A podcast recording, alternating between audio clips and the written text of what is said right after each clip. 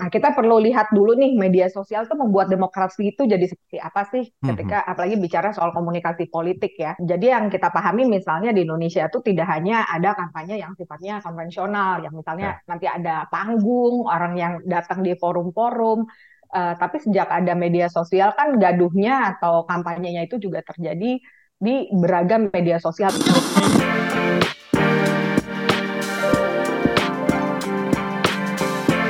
Hai sahabat TCID, kalian sedang mendengarkan podcast Suara Akademia. Ngobrol seru isu terkini bareng akademisi. Pemilu sudah sebentar lagi Sobat TCID dan sepertinya kalau uh, Sobat TCID ngeliat di timeline social media itu kelihatan banget sudah banyak uh, manuver-manuver atau dalam tanda petik kampanye yang dilakukan oleh para politisi. Nggak cuma personal, mungkin juga ada yang sedang membangun image di sosial media itu tuh adalah partai. Ada yang terlihat sedikit lebih dekat dengan anak muda, ada yang bahasa jadi lebih santai gitu dan kita jadi sedikit ke flashback gitu ke lima tahun yang lalu di tahun 2019 ketika memasuki tahun pemilu social media especially di Twitter dan juga Facebook itu gaduh banget gitu ya. Um, kita masih belum ngerti juga apakah sebenarnya memang uh, kampanye di media sosial ini sudah diregulasi oleh KPU atau sebenarnya memang tidak ada aturannya jadi terkesannya gaduh banget gitu.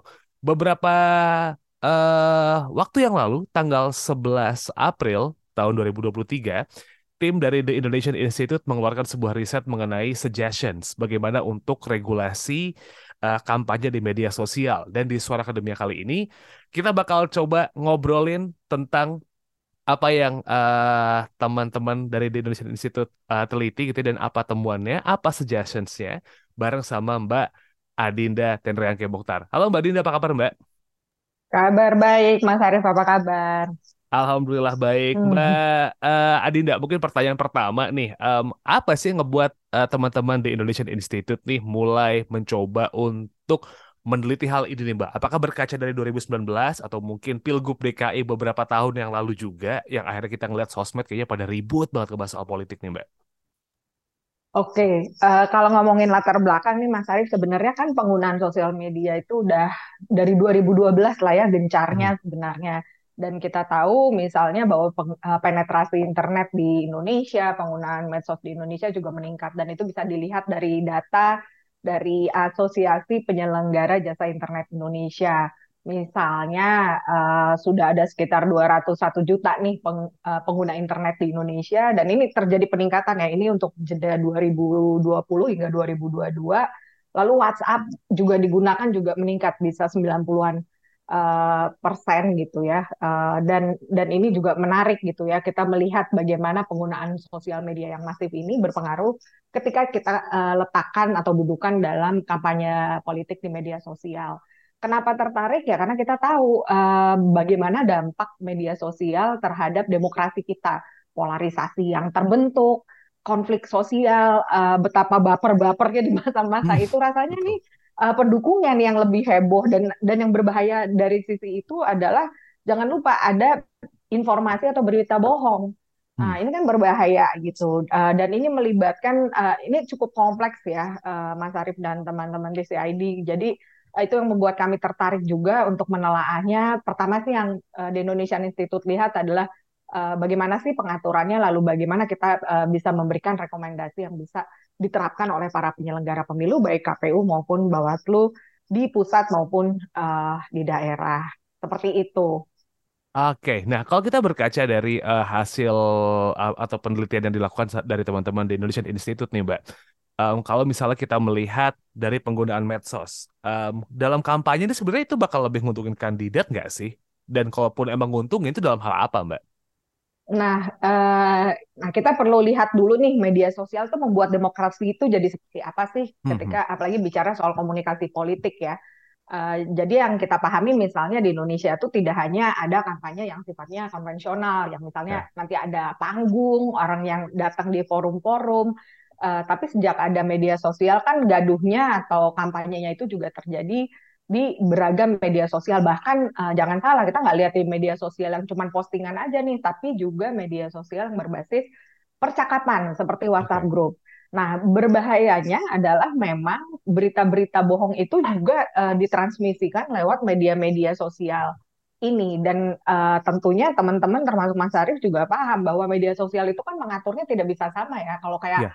Gini deh uh, ada spanduk di pohon sisa dicabut. Nah kalau media sosial gimana coba nyabutnya? Hmm. Sementara uh, rekam jejaknya sudah lama dan tidak begitu saja uh, bisa dicabut.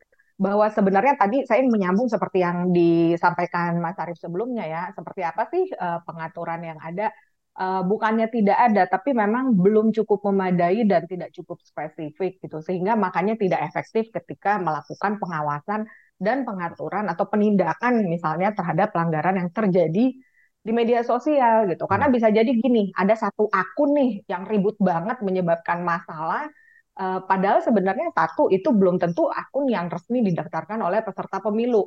Hmm. Uh, karena kan ada batasan jumlah nih, misalnya 10 jumlah akun untuk setiap aplikasi atau bisa jadi akun itu memang sebenarnya akun simpatisan atau bahkan akun orang yang iseng atau akun siapa pun yang meraup keuntungan dari kompetisi politik ini sehingga memang tidak semudah menandainya ketika ada pelanggaran di kampanye yang sifatnya konvensional seperti itu.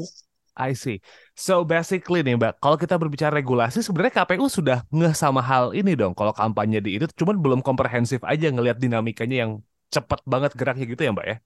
Iya, mereka juga sudah ada dan sebenarnya KPU dan Bawaslu itu sudah banyak berbicara ya satu sama lain ya hmm. bersinergi hmm. gitu. Dan ini uh, catatan temuan penelitian di Indonesian Institute juga bahwa penting untuk menyamakan persepsi dari penyelenggara pemilu dan pilkada soal kampanye politik di media sosial.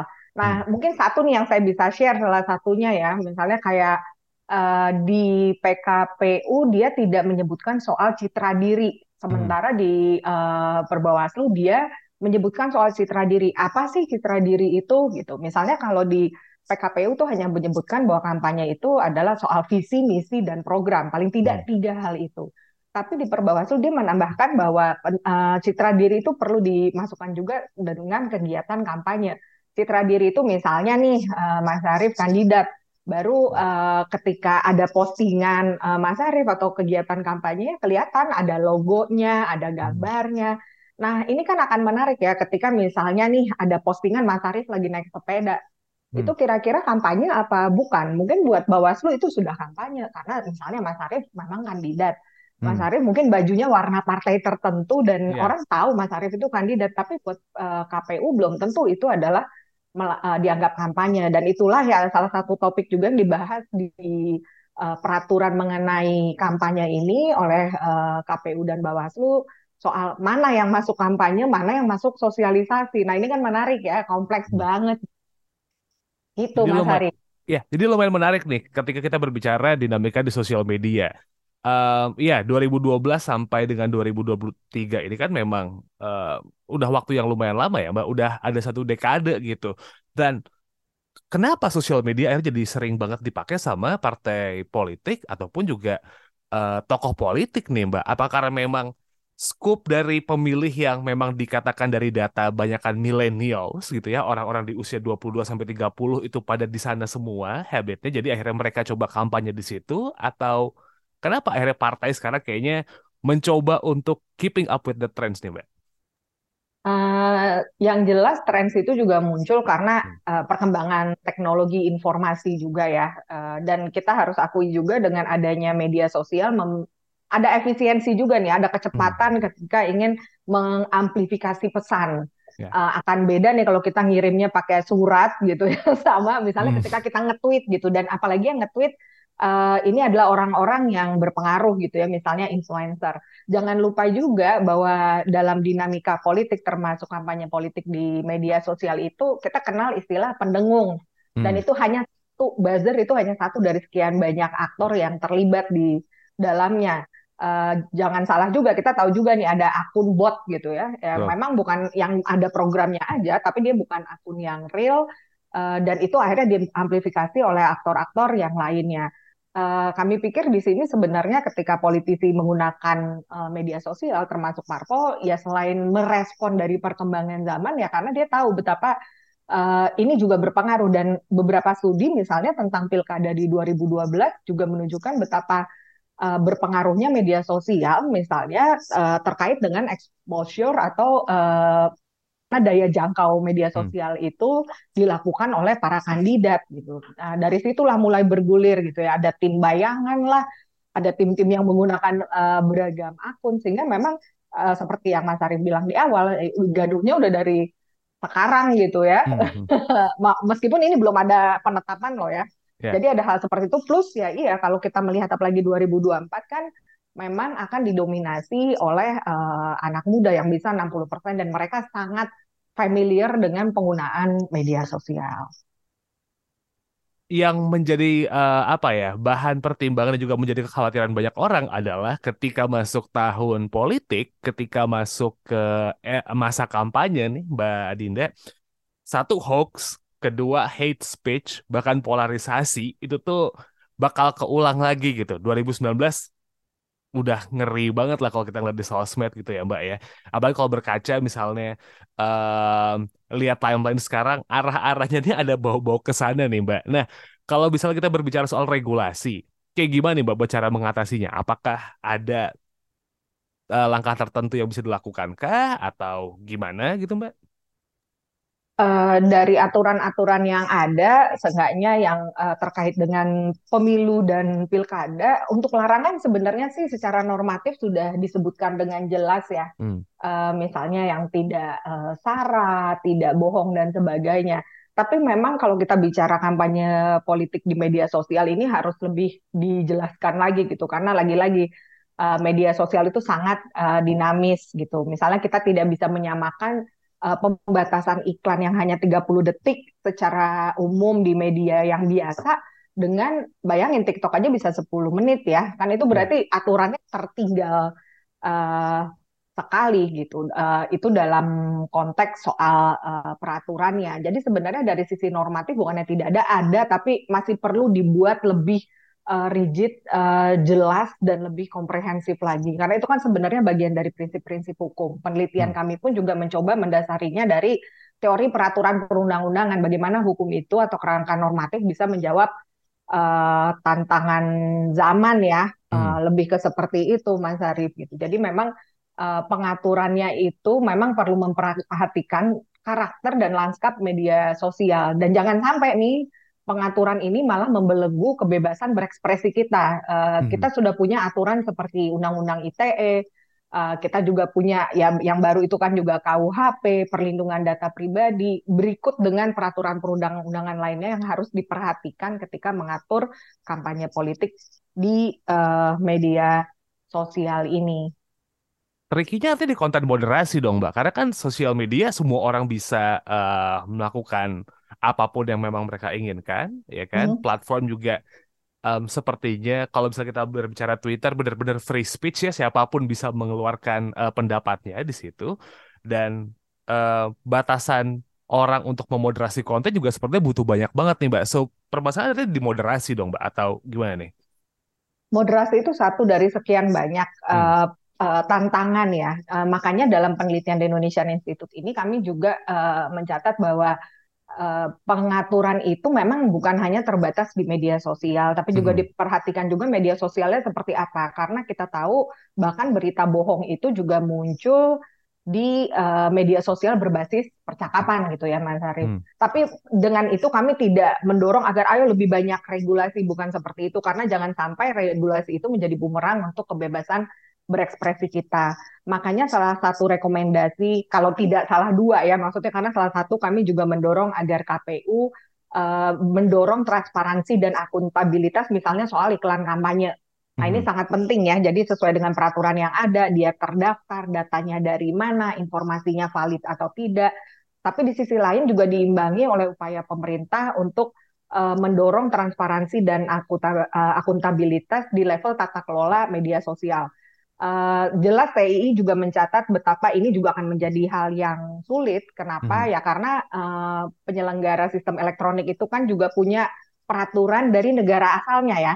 Uh, dalam penelitian kami, kami juga mencatat bahwa misalnya ketika di Indonesia, misalnya masyarakat sipil, uh, uh, Gakumdu misalnya dari Kominfo, kepolisian, KPU, Bawaslu mencatat ada permasalahan polarisasi atau berita bohong misalnya, uh, tidak bisa serta merta PSE menurunkan uh, konten tersebut, Mas Arief. Kenapa? Hmm. Karena bisa jadi dalam beberapa uh, pertimbangan mereka ini adalah free speech. Sementara di Indonesia kasusnya udah warna merah nih gitu misalnya. Yeah. Nah ini menarik karena memang kita uh, kami juga tidak mendorong agar selalu nih ada intervensi berlebihan dari pemerintah karena makanya dalam uh, riset ini kami mendorong adanya literasi digital yang uh, melibatkan kolaborasi uh, kolaborasi multi pihak gitu. Jadi tidak ada yang dominan karena kita tahu tiap pihak itu uh, punya kepentingan dan memang pengaturan-pengaturan ini juga bukannya tidak ada standar internasionalnya ya. Misalnya kalau akuntabilitas dan transparansi itu kan ada the Santa Clara Principles juga, lalu ada uh, Manila juga yang misalnya mengatur soal intermediari di dalam konteks ini. Uh, jadi ya kita juga berhati-hati nih memberikan rekomendasi kebijakan, jangan sampai itu membatasi kebebasan berekspresi uh, kita. Nah, tapi literasi digital itu sangat penting ya Mas Arief, karena dari uh, catatan uh, para narasumber penelitian kami, literasi digital atau literasi pemilu itu ya nggak berhenti di situ aja. Jadi ada hmm. aspek teknisnya bukan hanya cara menggunakannya saja, tapi juga bagaimana orang bisa memahami bahwa ada konten-konten yang bisa dianggap melanggar peraturan perundang-undangan uh, terkait. Jadi ada literasi teknis secara digital, literasi pemilu maupun literasi politik dan ini juga berlaku untuk penyelenggara pemilu karena kalau dari penyelenggaranya pemilu aja tidak punya persepsi yang sama akan sulit nih kita menganggap uh, penataan ini mis, uh, misalnya penting, bagaimana pengawasannya bisa efektif misalnya, ya. seperti itu. Kata kunci kampanye kan sebenarnya ada dua ya, Mbak Adinda ya, edukatif dan informatif nih gitu.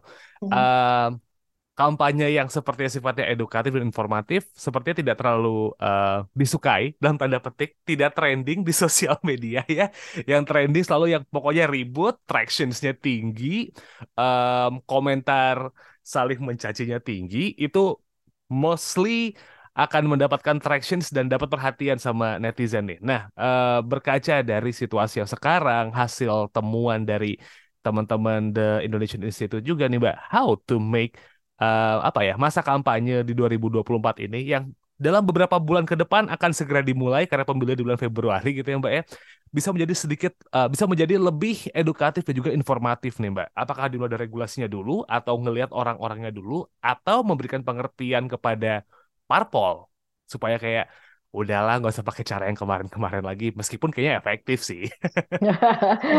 ya pasti ada tim cara cepat cara lambat. Iya betul. Uh, nah, kita ini ada di sisi mana ya? Kalau saya hmm. pribadi atau uh, mewakili TI dan hasil penelitian kami, tentunya yang kami ingin dorong adalah uh, pemilihan yang uh, edukatif dan informatif. Uh, dan dalam penelitian ini, kami juga mendorong, misalnya penyelenggara pemilu juga memberikan apresiasi nih untuk peserta pemilu yang uh, melakukan kampanyenya secara edukatif dan informatif. Uh, saya ingin share aja nih, kami kan di TI juga ada sempat angket persepsi politik anak muda nih jelang mm -hmm. 2024 gitu Mas Arif dan teman-teman TCID. Uh, eh, dan satu hal yang uh, menarik adalah mereka tuh ingin tahu lebih banyak soal visi, misi, dan program kandidat. Mereka ingin tahu lebih banyak soal profil kandidat dan profil parpol. Hmm. Itu melegakan loh untuk ceritanya nih yang akan dominan menjadi pemilih uh, 60-an persen di pemilu mendatang punya uh, pemikiran seperti itu. Meskipun ini angket ya, bukan survei, yeah. tapi uh, kami ini catatan yang menarik dan seharusnya bisa uh, ditangkap oleh parpol. Uh, saya dan teman-teman TI dalam beberapa kegiatan juga uh, berbagi hasil penelitian ini dengan uh, partai politik uh, dalam pertemuan mereka misalnya dan agar mereka juga paham kalau Anda ingin merenggut pasar anak muda jadi bicaralah dengan kebutuhan mereka perkenalkan diri uh, Anda maupun parpol dengan baik gitu kalau memang jalurnya lewat medsos ya lewat medsos. Uh, kita tidak bisa menghindari adanya kepentingan politik atau politik uh, praktis nih ya, uh, Mas Arief dan teman-teman. Uh, tapi setidaknya lewat peraturan yang ada, bagaimana penyelenggara pemilu juga bisa tegas dalam uh, menegakkan aturan itu gitu. Karena sebenarnya di aturan itu juga sudah cukup uh, clear ya, artinya uh, konten yang dilarang seperti apa dan hmm. mungkin lebih mendorong jangan cuma yang negatif aja nih karena secara psikologis kan yang justru yang dilarang itu. Jadi peraturan itu dibuat untuk dilanggar.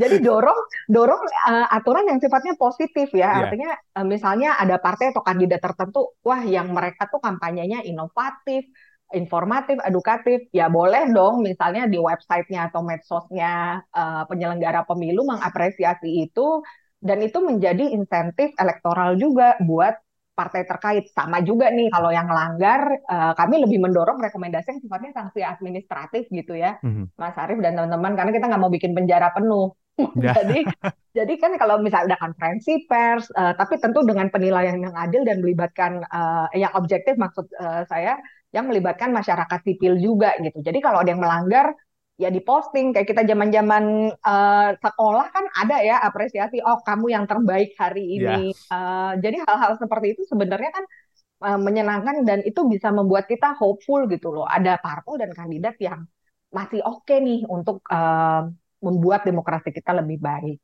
gitu. Oke, okay. baik. Nah, sekarang kita berbicara soal uh, penelitian dari teman-teman The Indonesian Institute nih, Mbak ini kan yang baru dirilis um, kurang lebih sebulan yang lalu ya Mbak ya uh, siaran persnya untuk mengenai penelitian ini Mbak. Mungkin ada detail-detail yang belum disampaikan kah Mbak dari obrolan kita tadi nih Mbak soal apa ya some apa suggestions dari teman-teman di Indonesian Institute nih gitu berbicara mengenai regulasi berkampanye di media sosial dan di dunia internet karena kalau kita berbicara Twitter, Instagram, Facebook, TikTok, sepertinya masih ada konten moderasinya. Cuman WhatsApp nih Mbak, kadang-kadang jadi, oh, jalur paling serem buat kampanye nih atau nerima informasi. Iya, iya. Uh, pertama yang harus dicatat juga sih kalau soal moderasi itu uh, kan tiap PSE itu punya kebijakan sendiri ya. Mungkin ada beberapa hal yang akan melewati uh, negosiasi yang alot gitu bahkan antara pemerintah dan PSE kita tahu juga dengan Perkem, uh, Perkominfo Permenkominfo kemarin ya yang nomor 5 2020 soal PSE yang juga cukup gaduh saat itu.